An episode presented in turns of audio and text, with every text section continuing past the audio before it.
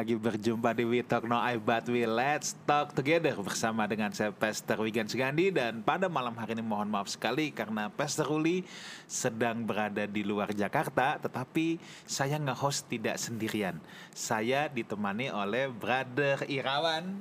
Thank you so much sudah menemani Sama-sama. menggantikan Pastor Uli pada malam hari ini. Bro Irawan kita nggak cuman berdua nih. Kita kedatangan bintang tamu yang sangat spesial. Saya mengenal beliau sudah cukup lama. Ini sebenarnya uh, my my childhood friends, best friend. Bukan childhood juga sih. Kita teman baik sejak di SMA ya. Hmm, Beliau ini saat ini uh, menjadi salah satu pastor juga di Grow Community Center ya di Grow dan beliau juga ini merupakan seorang yang punya passion dalam membimbing minat, bakat, mempersiapkan anak-anak. Makanya kita punya tema pada malam hari ini adalah mempersiapkan anak panah atau preparing the arrow karena beliau ini memang sangat kompeten. Wah. Saya mau memperkenalkan dulu ya. Jadi inilah uh, brother Jimmy Haryanto. Thank you so much sudah hadir pada malam hari ini. It's my honor Oh, it's it's to my have honor. you It's an honor to be here. untuk boleh ada untuk ngobrol pada malam hari ini. Baik Ya. saudaraku sebelum kita memulai acara ini saya mau menyapa dulu baik saudara yang menyaksikan acara ini secara langsung maupun tunda di YouTube channel Live House Community dan juga yang menyaksikan ya secara tunda di MNC Live Channel khususnya teman-teman saudara-saudara yang banyak ber- eh, di Indonesia bagian timur saya ucapkan selamat bergabung ya Eh, siapkan hati saudara karena saya percaya kita akan diberkati akan dapat banyak insight akan dapat banyak masukan yang sangat baik karena saya sendiri pun selalu banyak belajar lewat bincang-bincang dengan narasumber yang ada ya. Jadi persiapkan hati kita dan kalau saudara punya pertanyaan seputar parenting, mempersiapkan anak-anak. Nanti mau kuliahnya gimana, anak saya tuh cocoknya ngapain, pokoknya seputar mempersiapkan anak-anak kita. Ya menyongsong masa depan. Kalau saudara punya pertanyaan seputar itu, saudara bisa WhatsApp ke nomor yang ada di layar kaca saudara. Jadi tema kita pada malam hari ini adalah preparing the arrow ya, preparing the arrow atau mempersiapkan anak panah. Nah, mungkin saudara bertanya-tanya apa sih hubungan mempersiapkan anak panah kok eh, sama anak-anak? Nah, saya mungkin baca dulu Mazmur 127 ayat yang keempat Seperti anak-anak panah di tangan pahlawan Demikianlah anak-anak pada masa muda Nah jadi kita khusus bicara tentang mempersiapkan anak-anak kita. Jadi kalau saudara tanyanya kisah penciptaan perang Israel yang sekarang ini ya kita tidak jawab dulu ya. Tetapi saudara eh, kalau eh, seputar mempersiapkan anak-anak itu yang akan kita jawab. Oke, nah saudaraku kita tidak dapat memungkiri bahwa eh, tantangan zaman semakin besar ya Ya, betul. dunia itu tidak akan semakin mudah. Anak-anak kita harus serius kita persiapkan untuk menyongsong ya masa depan. Anak-anak kita harus kita persiapkan untuk menyongsong kerasnya eh, kehidupan di masa yang akan datang dan kita sebagai orang tua itu eh, punya kewajiban saudara ya. Saya percaya itu begini, anak itu adalah titipan Tuhan ya. Ya. Anak itu titipan Tuhan. Anak itu bukan milik kita loh. Anak itu titipan Tuhan. Dan kita yang dititipi itu kita punya tugas, punya tanggung jawab untuk menuntun mereka, mendidik mereka. Ya. Bukan untuk menjadi seperti yang kita mau, tapi untuk mereka bisa kemudian menjadi seperti yang Tuhan mau. Ya, Ya. Supaya mereka bisa menggenapi rencana Tuhan dalam hidup mereka. Amin. Anak-anak kita bukan diciptakan, bukan dilahirkan di dunia ini untuk menggenapi rencana kita, bukan.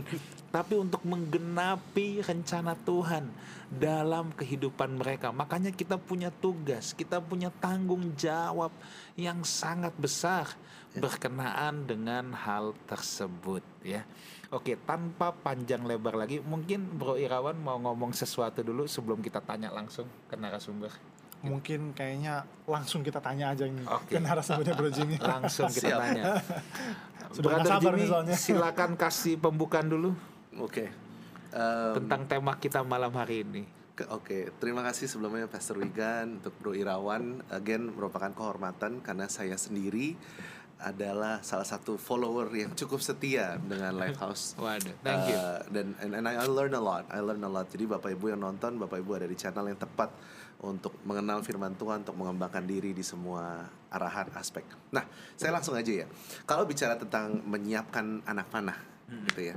eh itu sebenarnya saya lupa waktu itu statistiknya di tahun berapa. Tapi yang menarik adalah 7 di antara 10 anak itu akan eh, merasa salah jurusan Hmm. kuliah.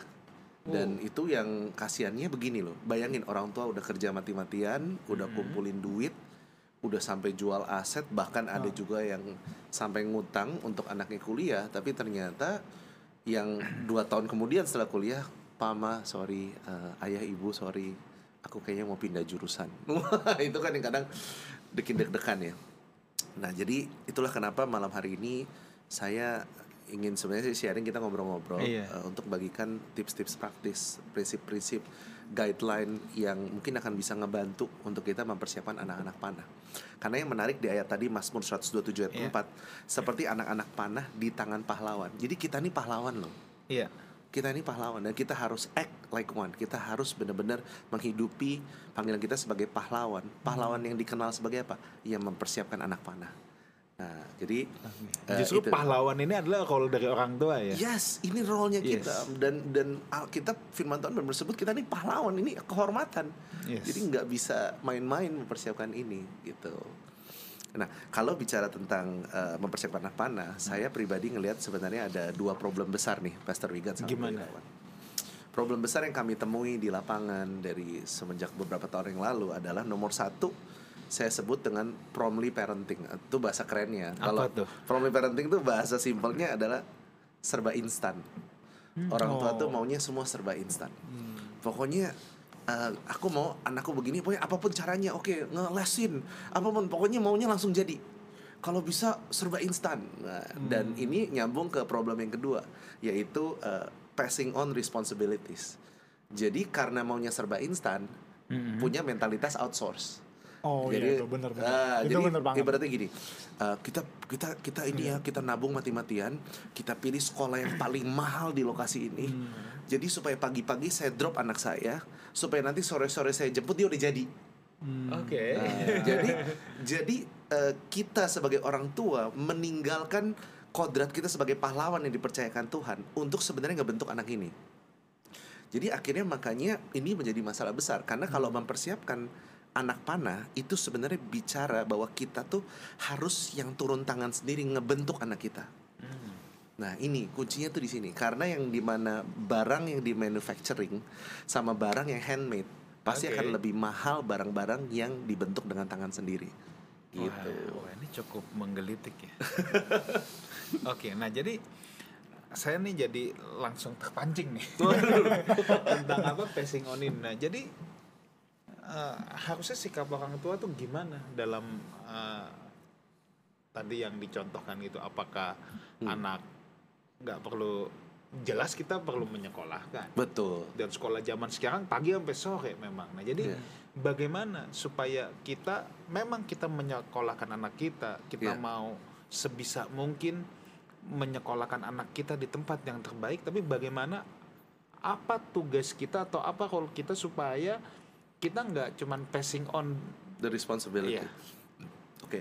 Eh, untuk lebih objektif, memang ada ada pepatah yang ngomong it takes a village to raise a child, membutuhkan satu orang kampung untuk mem- membangun seorang anak gitu kan. Jadi memang orang tua pasti akan butuh bantuan, orang tua pasti akan butuh sekolah, Iya. akan butuh bantuan guru. Iya. Tetapi responsibility terbesarnya adalah orang tua yang membantu membentuk karakter si anak. Orang tua yang membantu membentuk pilihan-pilihan yang ada dalam kehidupan si anak itu. Nah, ini yang suka di outsource juga ke orang yang saya lihat. Ini yang suka di ya udah Eh, dan yang paling jadi korban biasanya gereja. Ah, oh, iya, iya. Iya. Titipin sekolah minggu. Jadi Ah. sekolah minggu apa kayak menjadi Betul itu. jawaban. Iya. Dua jam sekolah minggu harus mengcover 168 jam yang lain. Iya betul. Jadi jadi kelihatannya ya ini mentalitas outsource-nya. Nah, jadi kembali lagi ke pertanyaannya, apa sih role responsibility yang paling pentingnya? menurut saya nomor satu adalah yaitu eh, kita harus keep track observasi anak kita. Kita lihat pola-pola dalam hidupnya seperti apa. Kenapa? Karena dengan mengobservasi pilihan-pilihan yang mereka ambil, kesuksesan-kesuksesan mereka, titik jatuh bangunnya mereka. Nah, ini yang akan nanti akan membantu kita menjadi the best guide and counselor buat anak kita. Jadi kita ketika anak kita nanti nanya, "Pama, kira-kira aku jurusannya apa ya?" Kita bisa kasih insight. Kamu ingat nggak dulu pas kamu kerjain ini kamu excited banget loh. Kamu pas gini sebenarnya nggak ini loh. Jadi kita bisa kasih banyak insight karena kita mengamati. Nah, makanya kenapa cara yang paling mudah sebenarnya spend time waktu sama anak. Hmm. Kenali dan mulai track recordnya itu benar-benar keep track. Hasil observasi kita, insight kita.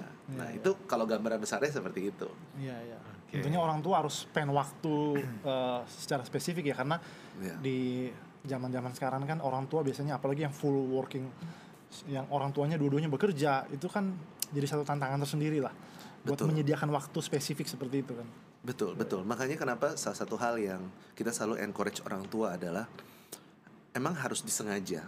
Hmm. Cara yang paling gampang dan kami juga mempraktekkan ini di rumah. Eh, jujur memang nggak gampang karena sometimes juga saya harus diingetin sama istri saya. Saya harus ingetin istri saya sama yaitu apa? Ketika kita di atas meja makan, no phone, nggak ada nggak ada handphone. Ah. Kita ngobrol. Karena itu karena sama-sama sibuk. Tapi momen 45 menit itu ternyata bisa membantu untuk men-shape future-nya anak. Masa depannya anak. Dan mereka merasa ada guidance, ada bimbingan. Nah, itu mulai dari situ aja spend time waktu. Ya, jangan sampai an- anak-anak jangan pegang handphone, kita yang pegang handphone. Iya, itu. dan jujur itu nggak gampang loh. Saya sendiri kadang masih up with work gitu ya, masih perlu kerja. Saya masih diingetin sama istri saya. Nah nanti tahap keduanya yang nanti saya dikasih tahu, cuman kita belum praktekin. Tahap keduanya adalah diranjang. Jadi ketika anak-anak kan suka ngumpul main kata seranjang ngobrol dengan orang tua, nah di situ put the phone away, taruh teleponnya jauh-jauh dan just communicate sama mereka. Oke. Gitu. Wow. Oke, nah untuk mempersiapkan anak-anak ini ya. Mm-mm. Dimulainya kapan sih persiapan ini? Ini mungkin pertanyaan yang pertama dulu nih. Iya. Dimulainya kapan? Kan ada orang yang Iya. ah masih kecil belum ngerti apa-apa. Ya kan? Betul. Ini nih eh, kalimat klasik yang sering saya dengar. Hmm. Udah masih kecil dia belum ngerti apa-apa. Tunggu nanti. Masalahnya pas udah nanti udah Udah telat. Nah, itu dia. Nah, jadi kapan sebenarnya orang tua itu harus mempersiapkan anak? Nah, kalau tadi saya balik, saya, saya tadi sempat mention bahwa salah satu role-nya adalah untuk mengobservasi. Observasi itu sebenarnya dimulai dari semenjak dia masih kecil. Tapi kalau kalau menurut saya sebenarnya mulai dari umur 3 tahun, 4 tahun, 5 tahun tuh kita udah harus mulai observasi. Nah, eh, apa yang diobservasi? Yang pertama, dia tuh paling excited ngapain sih? Paling happy tuh lagi ngapain? gitu ada anak-anak yang mungkin ketika dibawa keluar apa trekking hiking oh happy banget gitu. Nah itu kan berarti dia nature smart. Ada indikasi nature smart gitu kan. Eh, atau mungkin ada ada anak yang suka tiba-tiba kita tinggalin balik-balik itu eh, mainan udah dipretelin semua. Oh. udah cabut-cabutin. Oh ini Iya, iya. ada tendensi ini bagus nih buat mungkin bisa jadi engineering ke depannya kita nggak tahu. Jadi hal kayak ini kita mulai keep track nah jadi eh, eh, ada bagusnya memang suami istri keep track bareng apakah antar pakai let's say Google Keep atau apa aplikasi kita keep track gitu sebagai contoh anak saya sebenarnya umur 5 tahun 6 tahun tuh udah ambil tes bakat minat dan di Oke. situ eh, sangat berguna buat kami karena kami mampu S untuk- early S 5 tahun. 5 tahun 6 tahun tuh udah bisa. Cuman memang nanti kalau untuk penjurusan kuliah biasanya dianjurkan SMP 2 SMP 3. Oke. Nah, itu dianjurkan gitu. Nah, jadi kenapa umur 5 6 tahun? Karena sudah mengerti instruksi. Oke. Karena kan kalau dilakukan proper kan sekarang banyak lah. Bapak Ibu bisa cari di biro-biro psikologi. Itu tuh mereka tuh harus mengikuti instruksi kan. Coba kamu lakukan ini, kamu itu. Nah, dia udah mengerti tuh umur 5 6 tahun tuh udah mengerti. Nah, kalau misalkan untuk penjurusan kuliah SMP eh, SMP 2 SMP 3 itu cukup karena mereka juga udah udah memang sudah lulus SD dan sedang dipersiapkan untuk memilih jurusan. Gitu. Nah, itu sebenarnya as early as that tuh udah bisa. Gitu. Nah, ini kan kalau bicara skill, gimana kalau tentang karakter anak? Nah, oke. Ini kan ada dua hal ya kalau yang kita perlu bahas ya. Ya. Sebenarnya bisa jadi nih Pastor Wigan Bro Irawan ini bisa lebih dari dua hal. kalau dari pengamatan saya pribadi Hmm. ada 4 P yang harus kita observasi dari masih kecil. Oke. Dan Oh. 4 P ini yang akan menentukan eh, anak-anak kita itu nanti akan bergerak ke arah mana, khususnya untuk eh, destiny mereka, penjurusan kuliah mereka. P yang pertama itu bicara tentang potential atau bakat. Potensial. Oke. Nah, bakat. bakat. ini meliputi apa aja nih Nah, misalnya? kalau bakat itu kalau dari dunia psikologi itu biasanya bicara tentang tes IQ. Oke. Hmm. Nah, tes IQ itu eh, secara garis besar itu sebenarnya ada 10 aspek kecerdasan. Ada daya tangkap, berpikir konkret praktis, pemahaman bahasa, kemampuan berpikir secara analogi, kemampuan berpikir logis, praktis bilangan, induktif bilangan, membayangkan bidang, membayangkan ruang dan daya ingat. Jadi dari 10 ini biasanya nanti akan kelihatan eh, eh, dia tuh cocoknya eh, ke mana. Ibaratnya gini, kalau ngomong potensial itu kayak eh, it will determine the playing field. Jadi mesinnya ini mesin Avanza apa mesin Ferrari gitu. Bukan berarti Ferrari jelek, eh bukan berarti Avanza jelek loh. Avanza akan bagus sesuai dengan tracknya, radah wadahnya gitu. Kalau di Jakarta mas eh, kita nyetir Ferrari mah habis sudah nggak Kebakaran. kebakaran gitu. Jadi tetap bisa excel, tapi kita harus tahu dulu mesinnya anak itu Iya, tuh iya, apa. iya. Dan kita nggak boleh paksain eh, karena orang tua punya mimpi yang tidak kayak tadi ya dibilangnya mimpi mimpi yang tidak terwujud, dia paksa anaknya untuk wujudkan itu. Dulu mau jadi dokter, sekarang anaknya nggak mau tahu harus bisa jadi Harus jadi dokter. dok- eh, padahal, padahal- biologi dia paling kagak bisa. Betul dan mesinnya dia tidak bisa. Sebagai contoh ini pernah ada real, real story soalnya. Ada anak yang eh, dia punya potensinya eh, tapi dia eh sorry dia dia dia dia punya passionnya. Mungkin dia kepengen eh, jadi dokter tapi potensinya IQ-nya bakatnya tidak menunjang Ah. jadi kemungkinan dia untuk daya ingatnya itu sangat rendah nah itu kan nggak lucu dia nggak hafal nama penyakit dia nggak hafal Obat-obatan diagnosa gitu ya. Terus kalau sampai dia didorong dan somehow jadi dokter, bahayalah celakalah. Karena orang yang punya passion tapi nggak punya potensi, itu akan merugikan orang lain. Gitu. Oh, orang yang punya passion tapi tidak punya potensi. Itu akan merugikan, orang lain. Dan orang yang punya uh, potensi tapi nggak punya passionnya, tapi dipaksa terus sama orang tuanya di situ, itu akan merugikan diri sendiri. Dan anak bisa jadi depresi, jadi stres. Kalau kalau mature, kalau dia dewasa ya, dia punya kedewasaan dalam mengelola emosi. Nanti modelnya kayak begini, pasti pernah dengar. Dia sampai kuliah S1, S2, S3 kedokteran, setelah selesai dia bilang ke orang tuanya, udah selesai ya. Sekarang aku mau ambil ya?" arsitek. Wah nyebrang banget. kan banyak kejadian kayak gitu gitu nggak sedikit lah bukan banyak nggak sedikit kejadian kayak gitu gitu Oke, wow. Nah, itu itu baru P1 nih ini saya lanjut dulu Iya, atau lanjut? Oke. gas terus. yang kedua adalah sebenarnya bicara tentang uh, personality eh sorry kita saya bicara passion dulu passion tadi saya udah singgung passion passion itu apa sih passion itu basically uh, anaknya itu mau mau mau bergerak ke mana passion itu akan mendetermine direction dan energy jadi ibaratnya dia tahu arahnya mau ke mana. Kan dia udah tahu mesinnya nih. Nah tinggal arahnya tuh sesuai nggak dengan mesinnya gitu. Dan ini juga passion yang akan lihat dia tuh energinya menggebu-gebu nggak menuju kepada tujuannya itu. Nah, Nah eh, gimana tuh cara mengetahui passion Iya. gitu? Oh itu pertanyaan bagus. Passion itu sebenarnya menurut saya nomor satu tetap eh, memang harus dari anaknya sendiri melakukan eksplorasi, gitu ya. Orang tuanya melakukan observasi dan kemudian dikombine. Tetapi saya ingat dulu eh, ada, ada ada ada ada tiga set pertanyaan yang kita bisa tanya ke atau kita bisa observasi. Nomor satu kita cek. Kita- saya sebutnya 3 F. F yang pertama adalah forget the time. Maksudnya apa? Apakah ketika si anak melakukan itu dia sampai lupa waktu? Contoh, misalkan si anak dikasih em, activity suruh bangun eh, eh, peta Pulau Jawa tapi yang tiga dimensi. Wah, terus si anak ketika kerjain itu dia lupa waktu. Dia kerjain kerjain kerjain sampai jam 3 pagi. Terus dia bilang, "Wih, gini udah jam 3 pagi." Wah, itu berarti Oh. ciri-ciri pertama terpenuhi. Oh, mungkin passion, mungkin. Kemudian F yang kedua tanyain for free. Apakah saya mau melakukannya secara cuma-cuma dan tidak dibayar dan saya tetap happy? Gitu. ya ibaratnya kalau kalau zaman dulu ya kalau sekarang mah anaknya baik-baik ya. Zaman saya dulu mungkin tiba-tiba teman saya bilang eh lu mau nggak kerjain PR gue tuh yang bangun peta tiga dimensi? Ntar gue bayar deh gue takdir lu makan. Oh nggak usah nggak usah. Aku happy kok kerjainnya. Hmm. itu berarti ciri-ciri yang kedua gitu. Oh centang nah yang ketiga adalah cek frequent F ketiga tuh frequent frequent itu adalah apakah kita melakukannya berkali-kali karena kan ada anak yang excited di awal tapi setelah itu Oh, bosan excited bosan, Bosan. gitu. Nah, jadi kalau dia tetap mau melakukan itu berulang-ulang, apakah saya mau apakah saya lupa waktu saat ketika melakukannya? Iya. Apakah saya mau melakukannya tanpa dibayar? Iya. Dan saya terus mau melakukan itu terus-terusan, kemungkinan besar itu passion. Kemungkinan besar. Jadi itu sebagai salah satu pertanyaan yang bisa bantu untuk nge-guide. Gitu. Ya. Nah, itu eh, P yang kedua ya. P yang ketiga personality. Personality itu bicara tentang tipe kepribadiannya si anak.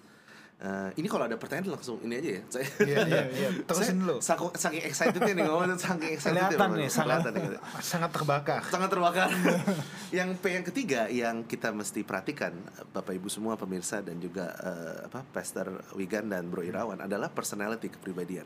Jadi kalau potensial itu bicara tentang mesinnya, passion itu bicara tentang directionnya, energinya. Nah kita juga harus lihat orangnya. Ibarat kalau racer, kita udah tahu mesin mobilnya apa. Terus kita udah tahu tracknya mau diarah ke mana. Tapi sekarang orangnya, orangnya yang nyetir itu, nah itu personality. Oh. Hmm. Nah orang yang nyetir itu harus bisa disesuaikan. Nah kalau bicara tentang personality, biasanya kalau di dalam tes-tes gitu ada 10 elemen yang dilihat, yaitu kecepatan bekerja, akurasinya si anak ketika bekerja, produktivitas, daya tahan terhadap stres, motivasi, kepercayaan diri, kemampuan adaptasi, kemampuan membangun hubungan, kemampuan berempati, dan stabilitas emosi. Nah ini adalah 10 elemen yang kita juga harus mulai observasi dari sekarang. Anak saya daya tahan terhadap stresnya gimana ya? Gitu. Nah ini penting. Contoh, kalau dia ternyata mau punya potensi menjadi dokter, dia punya daya ingat bagus, dia punya eh, apa namanya eh, eh, daya tangkapnya bagus. Terus kemudian passionnya memang mau jadi dokter karena dari kecil suka nontonin film-film seri dokter gitu kan. Tapi daya tahan terhadap stresnya enggak. Nah ini bahaya karena dalam kedokteran itu kita harus siap tiba-tiba operasi 18 jam. Begitu selesai operasi masuk lagi UGD. Kita harus siap. Nah, itulah kenapa kepribadiannya juga harus kita cocokkan. Kabar baik tentang kepribadian adalah ini masih bisa dipersiapkan. Kalau kalau potensi IQ bakat itu pemberian Tuhan. Iya. Itu bukan sesuatu yang Ya, oke. oke. bukan sesuatu yang bisa kita kema dan eh, apa ya ibaratnya gini kayak kayak kalau di dalam hutan gitu kita nggak bisa ukur kehebatannya seorang ikan dengan kemampuannya memanjat pohon Iya, Hmm. oke. itu nggak bisa Iya, Ya. iya, iya. tapi kalau yang namanya personality itu masih bisa dibentuk. Nah, masih bisa. Apalagi kalau dari kecil itu masih bisa. Walaupun harus kerja keras tuh antara orang tua dengan anaknya. Menciptakan kondisi-kondisi uh, setting environment untuk bisa memicu itu naik bertumbuh gitu. Nah, dan yang terakhir sebenarnya adalah P-nya adalah principles Mhm. atau values nilai-nilai kehidupan. Dan ini yang membedakan kita dengan orang-orang yang tidak percaya dengan Tuhan Hmm. kalau orang-orang di luar sana itu mereka hanya berpatokan pada 3P. Potensinya apa? Passionnya apa? Personality-nya apa? Yuk kita cocokin ya jurusan kuliahnya. Tapi kita sebagai orang percaya, saya percaya banget harus ada P yang keempat, yaitu values, principles.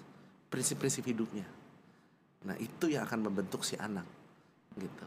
Dan itu yang akan akan membuat dia punya spirit of excellence di mana pun apa pun jurusan yang dia ambil apa pun karir yang dia akan end up itu penting untuk dibangun juga diobservasi dan dibangun dari sekarang kurang lebih begitu Ya, Oke, nah, again, pertanyaannya Ya. kalau kayak principles gitu ya. ya Ini mempersiapkan anak ini again, saya mau tanya lagi Hmm. kembali ke paling pas itu di usia berapa? Orang tua harus mulai sibuk akan 4P tadi. Uh, kalau menurut saya dari umur 45 tahun, bahkan dari semenjak lahir. Sa- saya pribadi eh, menurut saya gini, sebenarnya usia-usia SD kelas 1, kelas 2, kelas 3 tuh udah harus mulai, udah harus observasi. Gitu. Oke, kenapa saya tanyakan gini? Gini, Hmm. bro, eh, saya pernah mendengar ya bahwa kata itu gini. Ini kalau kita bicara karakter anak ya, kita nih jangan ngomong tentang bakat dulu nih. Iya, iya. Saya pernah mendengar bahwa 0 sampai 5 tahun Iya, itu adalah fondasi yang paling menentukan. iya. Iya. Ya. Ya. Lalu kedua peletakan fondasi kedua adalah 6 sampai 12. Ya. Lewat dari 12 tahun kita tidak bisa lagi katanya untuk menaruh dasar-dasar fondasi-fondasi pada anak tersebut. Oh. Nah, makanya dari tadi saya kenapa saya kejar tentang Iya. ini harus mulai umur berapa? Saya pernah mendengar teori itu bahwa Iya. 0 sampai 5 itu masa yang paling krusial katanya. Iya. Dan terlalu banyak orang tua yang melewatkan ini Iya. karena dia pikir masih kecil, Iya. belum tahu apa-apa. Iya. Padahal 0 sampai 5 itu pembentukan karakter dasar anak. Iya. Kemudian 6 sampai 12. Iya. Kita melewatkan ini, kita akan kesulitan untuk membentuk karakter anak. Nah, itu kata kuncinya. Kesulitan bukan berarti mustahil. Iya. Jadi betul kata Pastor Wigan bahwa Hmm. idealnya memang dari kecil dari umur 0 sampai 5 tahun. Hmm. Observasi, ngebangun gitu kan. Eh, tadi konteks saya berbicara adalah untuk mengobservasi, mengamati untuk penjurusan dia kuliah. Iya. Tetapi kalau bangun principles, values, Iya. memang harus dari kecil. Hmm. Itu penting dari kecil. Eh, benar-benar dibangun, dilihat, ditanamkan, dibicarakan berkali-kali ya. Seperti eh, perjanjian lama kan, kalau Iya. ngajarin anak kan Berulang. berulang, ulang, ulang sampai bosen. Sampai anak saya udah tahu kalau bapaknya udah ngomong gini, bentar lagi mau dinasihatin ngomongnya sama. berulang, ulang. Betul. Jadi untuk menjawab pertanyaan, kalau mau membangun pondasi principlesnya, memang harus dari kecil. Tapi kalau konteksnya adalah mengamati untuk membantu nge-guide buat penjurusan kuliah, Iya. sebenarnya memang dari umur 3, 4, 5 tahun tuh sudah bisa Oke. Hmm. gitu. Karena udah mulai terbentuk pelan-pelan. Tapi kembali lagi kata kuncinya adalah bukan mustahil. Bisa kok. Hmm. Bisa. Bisa. Jangan jangan pernah menyerah karena mungkin ada pemirsa yang udah umurnya 12 tahun anaknya. ya udah lewat dong. Tapi Masih sebelum bisa. balik ke Bro Jimmy, Ya. saya mau tanya ke Bro Irawan juga nih. Nah. Bisa nggak sharing tentang uh, parenting yang Bro Irawan sudah lakukan selama ini, strugglingnya di mana? Ya, kan kebetulan Philip Liam usia terpaut berapa tahun? Usia sekarang 10 dan 8 tahun. Oh. Oke. 10 tahun. Ya ini saya. masuk di range Iya. krusial ini. Iya, iya. Iya. Iya. Ya ini jadi satu uh, satu informasi yang luar biasa buat saya juga pribadi. Hmm. Karena jangan sampai melewati nih masa-masa ini pembentukan karakternya dia. Uh, kalau sekarang sih uh, kami juga belum terlalu sampai spesifik mengarahkan oh ini potensinya di sini bakatnya kita ikutin tes sih belum. Karena mungkin ya kita mengalir aja lah kalau saya ya.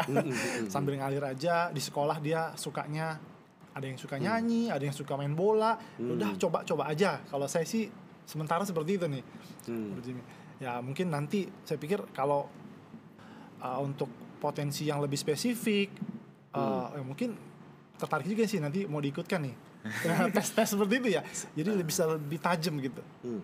Mungkin kalau boleh nambahin, eh, ini juga menarik karena kembali lagi mindset di awal kita jangan kejebak dengan mentalitas outsource dan instan. Iya. Eh, yang terbaik gini tes membantu nggak membantu tapi apakah kalau nggak ada tes udah pasti nggak bisa nggak juga yang terpenting adalah observasinya orang tua dan seberapa dia terlibat dalam hidup anaknya. Nah itu sebenarnya kuncinya di situ. Karena alat tes itu cuma sebagai alat bantu doang. Iya, nah iya, betul. mungkin kalau bisa nambahin lagi kayak apa sih sebenarnya yang di keep track? Mungkin tadi saya udah sebut tapi ini saya sebenarnya saya lihat ya ada catatannya nih buat saya. Nomor satu adalah unusual achievement. Apa sih achievement achievement yang nggak pernah terpikirkan? Tiba-tiba bisa menang gambar. Tiba-tiba kayak anak saya kemarin tiba-tiba bisa menang lomba pidato dalam bahasa Indonesia gitu kan uh oh, menarik juga ya gitu Oke, kan oke. Nah, Hmm. ketika kita menghadapi situasi-situasi itu, ya orang tua harusnya tuh gimana? Kalau misalnya anak kita nih Hmm. is- iseng-iseng jalan-jalan di mall, Iya. ikut lomba, Iya. eh menang gitu Hmm. ya. Nah, orang tua sebaiknya ya ya udahlah yang namanya anak kecil have fun atau perlu digali sebetulnya. perlu digali perlu digali Oh. jadi kayak eh, lucunya ketika anak saya menang lomba pidato dalam bahasa Indonesia, karena kan bahasa pengantarnya pakai bahasa Inggris. Sudah, gimana bisa menang? Nah, saya gali dong. Iya, iya. Ternyata diafalin teksnya. oh, di situ saya nangkep ini anak daya memorinya kuat. Dia hafalin dan dia taruh emphasize on the emotion. Jadi emosinya ketika ngomong menggebu-gebu padahal mungkin ngerti cuma 70%. gitu. Dia hafalin. Dari situ saya nangkep dua hal. Satu, dia punya passion buat public speaking, daya memorinya kuat. Ah. Nah, dari situ kan hasil observasi. Nah, itu yang saya share juga ke istri saya. Jadi yang pertama, kita notice unusual achievement. Dan kemudian ketika Pastor eh, apa Wigan juga bilang gali, ya betul gali. Ikutin lagi ke lomba yang lain. Hmm. Gitu, ikutin lagi gitu, tes lagi, tes lagi gitu. biar semakin tajam gitu Biar ya semakin tajam gitu. Kembali lagi yang tadi passion kan, eh, apakah kita lupa waktu, willing to do it for free dan apakah bisa frequent? Hmm. Mungkin setelah dua tiga kali ternyata dia jenuh, oh ya mungkin enggak. Tapi yang penting kita kasih apa provide the space, provide the opportunity gitu. Nah, terus yang kedua new hobbies. Nah, jadi kita keep track. Dia tiba-tiba bisa muncul hobi baru nih. tiba-tiba bisa muncul hobi apa eh, nontonin apa atau bikin apa, ya itu kita keep track. Hmm. And then kita explore apa sih yang bikin kamu suka dengan hobi itu. Kita mesti tanya, mesti ngobrol. Terus kemudian kemudahan anak mengerjakan beberapa jenis PR yang lebih cepat dibanding homework yang lain. Ada PR-PR yang dikasih, "Ih, ini PR kok cepet banget dikerjain cuma 15 menit. Padahal gurunya bilang 2 jam. Itu kan kembali lagi ke yang tadi fashion saya bilang Iya, kan. iya. Eh, cepet dan waktu seakan-akan terbang gitu. Dan yang terakhir adalah unexpected performance yang dibawa ekspektasi. Jadi kita bukan hanya melihat ke kelebihannya, kehebat, tapi juga lihat titik kritisnya. Jadi ketika dia Oh. kerjain matematika kok nggak secepat sama teman-teman yang lain. Ah. Nah, dan kita harus kritis. Jangan langsung bilang karena dia jelek di matematika enggak. Kebanyakan karena gurunya. oh gitu ya Kebanyakan. Maksudnya gini, jangan sampai si anak sebenarnya punya kemampuan tinggi di kemampuan bilangan praktis, bilangan induktif, tapi ternyata nggak kelihatan karena situasi di kelas. Jadi kita juga harus kritis, iya. gitu. Wah. oke Ya. Iya, iya. Jadi kadang-kala sebenarnya dia bisa, tapi karena mungkin dia nggak suka sama gurunya, Iya, itu pengalaman dulu SMA. oh SMA gurunya baik-baik. Tapi Iya, iya. sebagai orang tua ya, misalnya kita menemukan anak kita yang dia very good di satu bidang, nih, misalnya Iya. di math dia bagus. Namun di bidang uh, bahasa kalau sekarang gitu Mandarin juga, tuh iya. yang paling ditakutin ya, paling ditakutin anak-anak tuh ya, kelas Mandarin. Itu bisa dia very difficult lah. Pokoknya ngadepin uh, tes susah, homeworknya juga susah, mana kita parentsnya juga ngajarinnya juga susah, kita juga nggak bisa ya.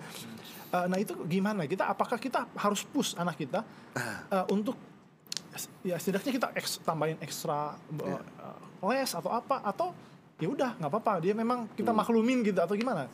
Itu pertanyaan yang bagus sekali dan ini yang memang kebanyakan. Contoh ya, pernah ada case ada anak memiliki kemampuan spasial. Jadi ini kebetulan ada hasil tesnya. Hasil tes IQ-nya tuh kemampuan spasialnya bagus. Spasial itu kemampuan eh, melihat ruang. Oke. Jadi eh, dua dimensi, tiga dimensi gitu kan ya. Kemampuan spasialnya itu bagus. Ya. Tapi kemampuan berhitungnya itu nggak terlalu bagus. So apa yang orang tua lakukan? Kebanyakan anaknya disuruh les matematika lima kali seminggu, Oh, and then les gambarnya cuma dua kali seminggu. Kalau menurut saya ini kebalik. Fokus on the strength. Oke. kalau memang kemam apalagi kalau hasil tesnya, apalagi kalau hasil observasinya, emang ini orang, emang ini anak tuh punya talent di situ. Ya udah les gambarnya lima kali seminggu. Les matematika cukup dua kali seminggu. Yang penting dia lolos. Iya. oh, Yang Cukup penting ya lolos. Jangan dipacu, dicambuk. Akhirnya malah kita miss loh. Beberapa tahun itu kita sebentuk dia, kita bisa cemplungin dia ke ranah yang memang strengthnya di situ. Kita miss, kita kelewat. Iya, iya, Gitu. iya, iya. Karena justru banyak yang di mana kurangnya itu yang dibanyakin. Itu yang Betul. digenjot. Sampai dianya wah udah enek-enek. Betul. Saya nggak mau ngomong gimana, tapi kenyataannya adalah sistem pendidikan yang kita lihat sekarang ini itu sistem pendidikan kalau bahasa saya itu kejar setoran. Oke. Jadi sistem pendidikan yang semua disuruh pelajarin. And then semua guru punya deadline, punya tenggat waktu. Pokoknya ibu guru nggak mau tahu, bapak guru nggak mau tahu. Dalam waktu setahun ini buku semua harus habis. Jadi kita kurang menitik beratkan pada ayo eksplorasi yuk, strengthnya apa? How can I Iya. help you? Gimana saya bisa bantu kamu untuk achieve itu gitu. Kita juga berfokus ke situ. Tapi kembali lagi bukan berarti matematikanya ditinggal. Iya iya iya. Tetap harus lolos Yang ya. penting lolos. Lolos. Yang penting lolos. Iya. Biarpun lolos dari lubang jarum. Lolos, gitu. Iya iya iya. Lolos. Bro, ini mungkin Ya. aku mau sedikit lari. Gimana sih menghadapi anak kita yang mudian? Moody. Mudi, mudi. Uh, uh, oke. Ini berarti kalau dari 4P tadi bicara tentang personality ya. Yes. Ya, sebenarnya bicara tentang karakter ya. Karena ini pasti banyak yang bertanya-tanya ya. Kalau ketemu anak yang mudian, kalau dia lagi senang-senang, tapi kalau lagi ngambek betul-betul ngambek Hmm. gitu loh. Ya, Ya. pasti ada orang tua orang tua banyak lah ini. Hmm. Karena saya banyak ditanya juga tentang hal ini. Gimana Hmm. sih kalau menghadapi anak kita yang mudian? Oke. Yang pertama adalah parenting style. Anak-anak kita tuh adalah kalau bahasanya Pastor Wigan apa mesin, Mesin fotokopi. fotokopi. mesin fotokopi terbaik di dunia. Mereka nggak akan dengerin apa yang orang tuanya ngomong, tapi mereka akan tiru persis apa yang orang tuanya lakukan. Orang tuanya mudi nggak? Nah, terus orang tuanya kalau lagi ada masalah di rumah tuh seperti apa? Apakah menunjukkan sikap kemudian ya? Karena mereka kopi loh. Mereka lihat itu. Itu yang pertama. Oh ya, tapi Jim udah terlanjur ya. Aku mau bertobat sih, tapi udah terlanjur. Oke. Gimana cara handle ya gitu kan? Yang pertama adalah selalu hubungan. Hubungan. Itulah kenapa eh, yang terpenting ketika dia sedang moody itu, kita harus meng-acknowledge feelingnya bahwa saya bisa lihat kamu tuh lagi lagi moody. Gitu. Nah, and then ajak ngobrol. Tapi tunggu sampai moodnya itu turun. Maksudnya perasaan moodinya itu udah stabil. Hmm. Ini kita ajak ngobrol. Apa sih yang terjadi? What happened? What happened? Gitu. Nah ini something yang sebenarnya harus dibangun dari awal. Bangun hubungan. Di mana anak tuh bisa cerita apa aja. Karena gini, mereka itu kan emosinya masih uncontrollable. Meledak-ledak. Ini kita lihat ya, Moody yang anak umur di bawah 12 tahun sama do- di atas 12 tahun itu berbeda loh anak umur di bawah 12 tahun ketika mereka moody karena their brain otaknya mereka itu belum bisa regulate. Jadi masih nembak sana sini, masih kayak Oke. gitu. Jadi Ya. kayak gini ya memang mau nggak mau kita harus pahami. Susah nggak susah. Oh saya termasuk salah satu orang yang mungkin bisa dibilang salah satu yang paling banyak gagal di sini. Karena saya kadang-kadang melihat anak di bawah umur 12 tahun seperti seakan-akan saya lagi ngomong sama karyawan. Nah, Ngerti nggak maksudnya? Jadi kayak jadi kadang-kadang kita juga lihat Mudi kenapa Mudi kontrol dong emosinya, kontrol dong. And then saya tiba-tiba diingetin sama istri saya, saya diingetin sama guru di sekolah. Nggak begitu. Emang mereka itu lagi belajar untuk mengontrol. iya. Iya kan? Belajar untuk mengontrol. Oh, jadi di situ orang tua juga butuh pertobatan. Oh. Jadi sekarang ketika saya sudah menjadi lebih waras, saya ngeliat begitu, saya juga harus lebih tenangin diri, tunggu sampai dia turun, baru kita ngajak ngobrol. Kenapa? Dan kita ajarkan, oh, kalau kamu lagi mudi, kamu bisa lakukan ini, kamu bisa lakukan itu, ajak ngobrol. Tapi itu tidak akan terjadi kalau kita kepancing duluan. Kita udah kepancing kesel duluan. Jadi kita nggak bisa lakukan itu. Itu yang itu yang menurut saya. Nah, kalau yang anak umur 12 tahun sebenarnya lebih ke arah ya sama, ngobrol juga keterbukaan dan heart to heart discussion. Hmm. Iya, iya. Karena moody yang mereka ekspresikan itu karena ada sesuatu yang nggak beres yang mereka nggak bisa komunikasikan. Moody yang mereka ekspresikan itu adalah sesuatu yang nggak beres yang mereka nggak bisa komunikasikan. Jadi mau nggak mau komunikasinya lewat perilaku moody Ya. Iya, iya. gitu. Nah kita mencoba untuk memahami itu.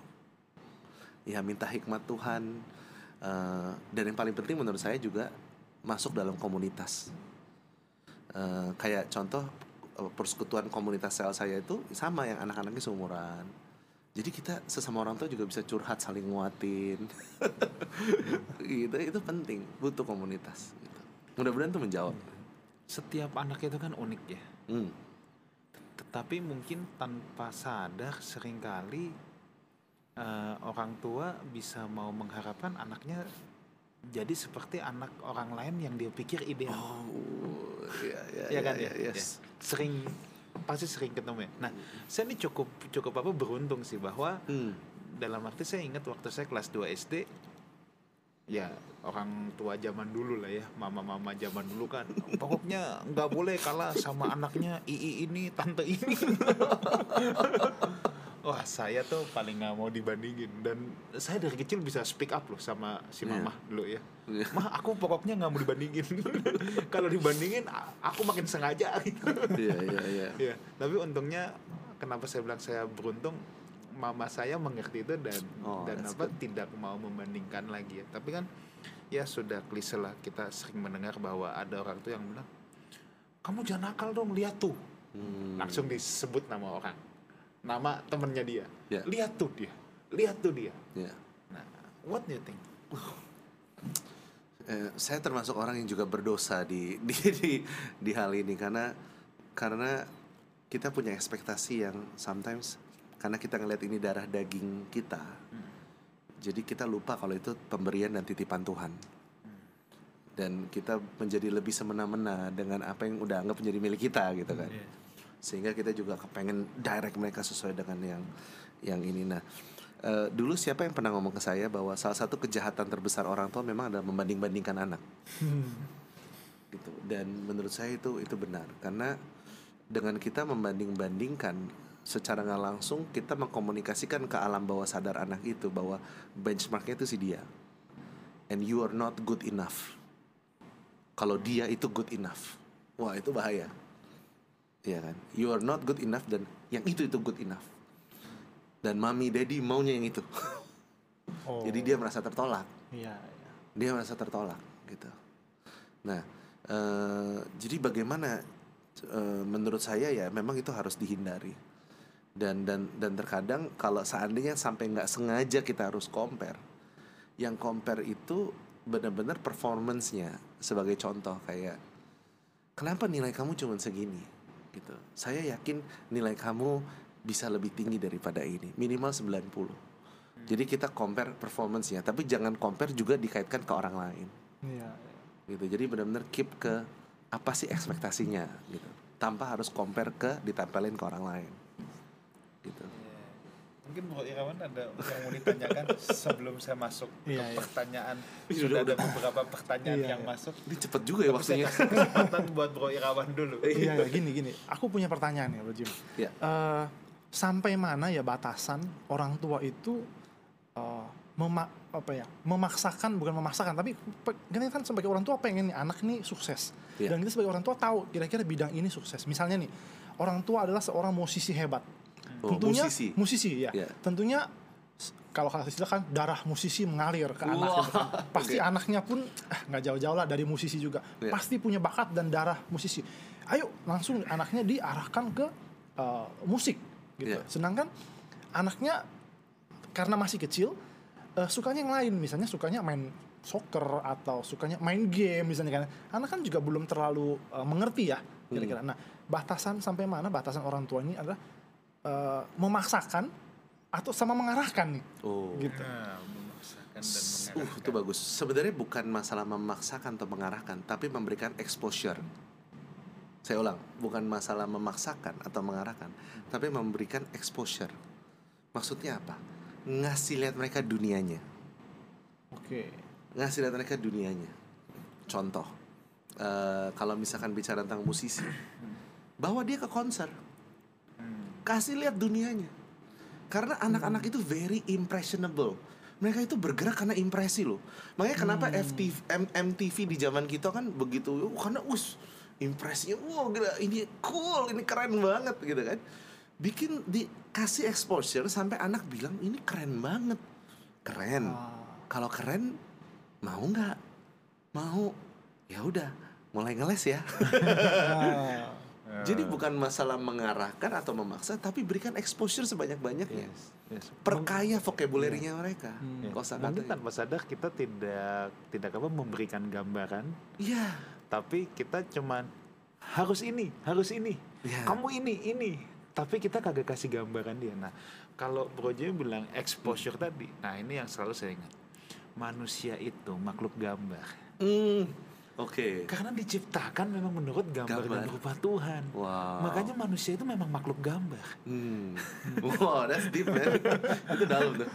Iya iya iya, makhluk gambar. Betul, betul. makhluk gambar Wow. Wow, that's good. I love the question ini.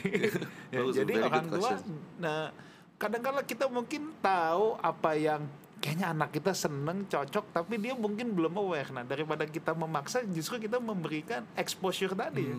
dan exposure-nya benar-benar yang setting yang paling super fun dari bidang itu. Kalau musik ya bawa konser. Kalau misalkan lihat ini kayaknya bisa loh. Bibit-bibit dia tuh bisa astronomi wah bawa dia ke museum astronomi yang paling keren. Kalau perlu ada di Singapura ya udah naik pesawat PP aja nggak usah nginep. Wah. bener-bener bawa kasih lihat. Iya, iya, iya. astronomi itu kayak begini. Wah keren ya pak keren ya ma. Impressed mereka impressionable mereka. Gitu.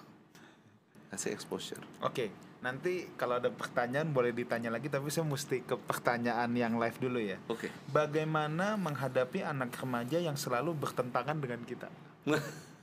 Wah. ini ini konteksnya masih terlalu luas bagaimana menghadapi anak remaja Ya, ini saya assume memang eh, secara umum kan dikatakan anak remaja itu pemberontak.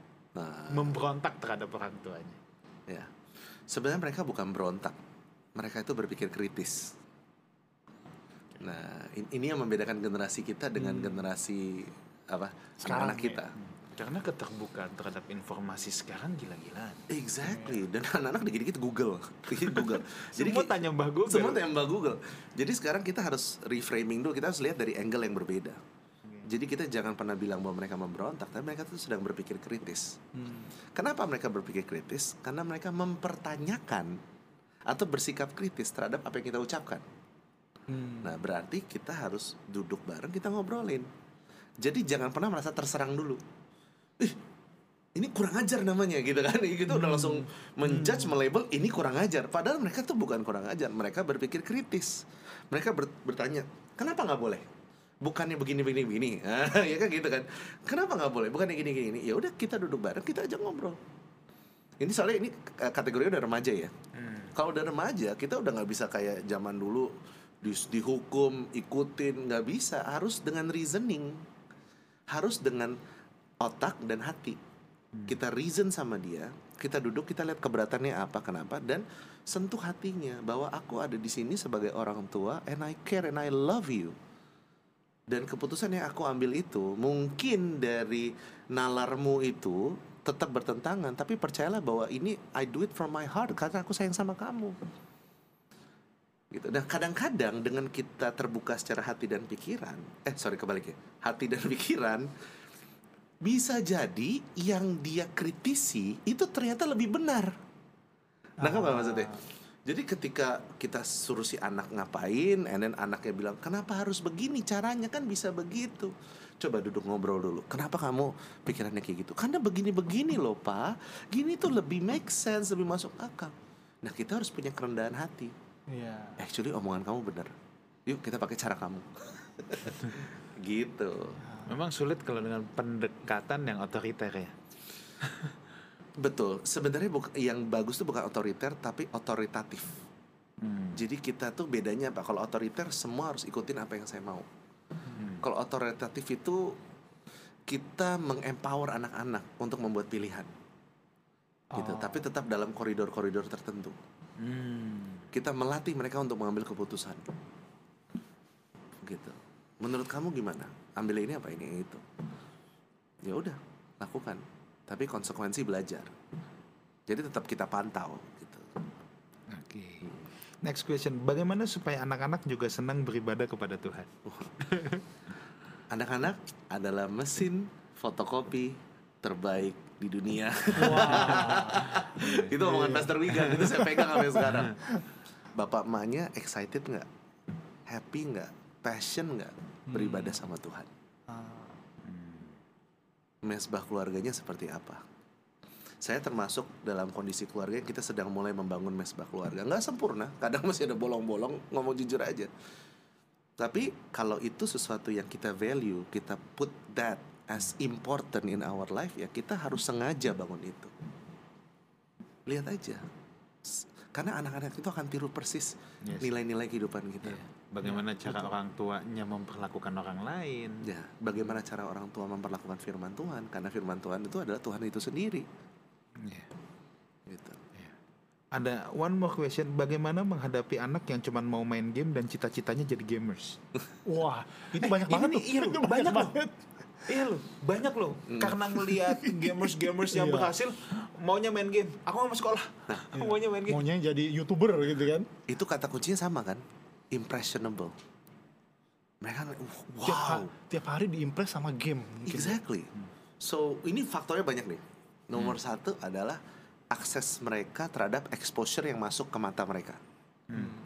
Makanya kenapa saya lumayan kaget juga. Saya baru dengar kalau di China itu ternyata penggunaan gadget buat anak tuh sangat dilimit sampai keluar peraturan dari pemerintah. Nah itu saya saya perlu verifikasi. Cuman itu yang saya dengar sampai segitunya. Kenapa? Karena ketika anak dikasih akses untuk melihat dunia tanpa ada filter yang bagus, mereka mulai membentuk kebenarannya sendiri berdasarkan referensi yang mereka dapat. Hmm. Itu keren juga itu. Gua udah lupa nih ngomong. Tapi mereka membentuk referensi kebenaran mereka dari apa yang mereka lihat secara terus-menerus. Nah dari situ ketika mereka melihat bahwa gamer, gamer, gamer, duitnya berlimpah gamer, jadi yang ada di otak mereka kosakatanya sempit. Hmm. Kalau lu mau kaya, jadilah gamer. Iya kan? Berarti kata kunci apa? Kurang exposure. Iya, terhadap bidang-bidang yang Bidang-bidang lain. yang lain, bawa ke konser, bawa ke museum, bawa kenalin dengan apa? dokter terhebat yang ada di Indonesia, kenalin dengan chef. Kan kadang ada tuh restoran-restoran yang kita bisa lihat dapurnya. Hmm. Kasih lihat exposure. Wow. Masalahnya kita Iya. kalah karena kita membiarkan mereka terekspos dengan sumber informasi yang mereka pilih sendiri. Ah. Iya. Exposure-nya kurang. Dan kadang-kadang kita hanya ngeband, kita hanya bilang nggak boleh nggak boleh, tapi kita nggak mau kasih pilihan yang lain. Dan Iya. kosakatanya tetap sempit. Vokabularinya si anak tetap sempit. Hmm. Kita cuma pokoknya nggak boleh, nggak boleh. Dan dan mereka jadi kritis. Kenapa nggak boleh? Ini kan melatih daya daya kreativitas Iya. gitu. Kita udah di penghujung acara banget nih. Mungkin ada satu last question yang mau ditanyakan. Eh, kayaknya udah habis pertanyaan saya. udah dijawab semua sama Bro Jim. Oke baik. Kalau gitu eh, mungkin ada closing statement. Yang namanya parenting itu Bapak Ibu nggak ada eh, nggak ada sekolah formalnya. Iya. Itu artinya apa? Itu berarti we're bound to make a mistake. Itu berarti kita udah pasti akan melakukan kesalahan. Saya ada di sini bukan berarti saya yang paling sempurna, tapi saya sama istri saya yang paling banyak melakukan kesalahan. Tapi itulah gunanya kita punya komunitas. Tertanam di gereja, komunitas. Untuk kita bisa saling nguatin satu sama lain, belajar dan tetap harus punya hati yang benar-benar mau belajar dari parent orang lain, dari orang tua lain. Dan yang paling penting adalah belajar dari firman Tuhan. Karena firman Tuhan tuh udah ngomong bahwa anak-anak itu ada di tangan pahlawan. Itu saya percaya banget. Kita itu pahlawan dan kita nggak boleh mengkhianati panggilan kita. Jadi haruslah hidup sebagai seorang pahlawan dalam iman, pahlawan dalam firman, gitu. pahlawannya Tuhan. Oke. Bro Irawan ada satu closing statement singkat padat jelas. Ah, kayaknya nggak ada deh. Mungkin Mas Vigan aja. Oke, siap. Ya. Closing statement dari saya, saya hanya akan membacakan lagi aja ya Mazmur 127 ayat 4 tadi. Seperti anak-anak panah di tangan pahlawan Demikianlah anak-anak pada masa muda. Kita pahlawannya Anak panah itu uh, bisa dibuat bagus Kalau ada di tangan pahlawan juga yang bisa membentuknya ya. Anak panah uh, yang terbuat dari apa pun sebagus apa pun tetapi kalau tidak ada pahlawan yang bisa menggunakannya itu juga akan menjadi sia-sia. Jadi percayalah bahwa setiap anak itu unik, setiap anak itu adalah anak-anak panah yang sangat luar biasa. Amin. Nah, tugas kita sebagai orang tua adalah untuk menemukan mereka untuk supaya mereka bisa uh, menggenapi rencana Tuhan dalam kehidupan mereka. Oke, Brother Jimmy, thank you so much sekali lagi. It's an honor. Saya thank you. percaya kita semua diberkati. Saya pun banyak belajar banget ya. Memang ini masternya banget nih kalau ngomongin gini-ginian. Nanti Bro Jimmy kayak kita mesti bikin seminar parenting khusus ya. Wah iya. Untuk untuk orang tua orang tua yang mau mengarahkan anak-anaknya. Entar kita atur nih. Harus ini Siap. ya. Oke, baik saudaraku, eh, demikianlah Witok pada hari ini. Jangan lewatkan minggu depan waktunya kita ngobras, ngobrol santai Alkitab. Kita sudah sampai pada kitab Pengkhotbah. Ya, jadi minggu depan kitab Pengkhotbah bersama Ibu Dr. Gernaida Pakpahan. Sampai jumpa di Witok minggu depan.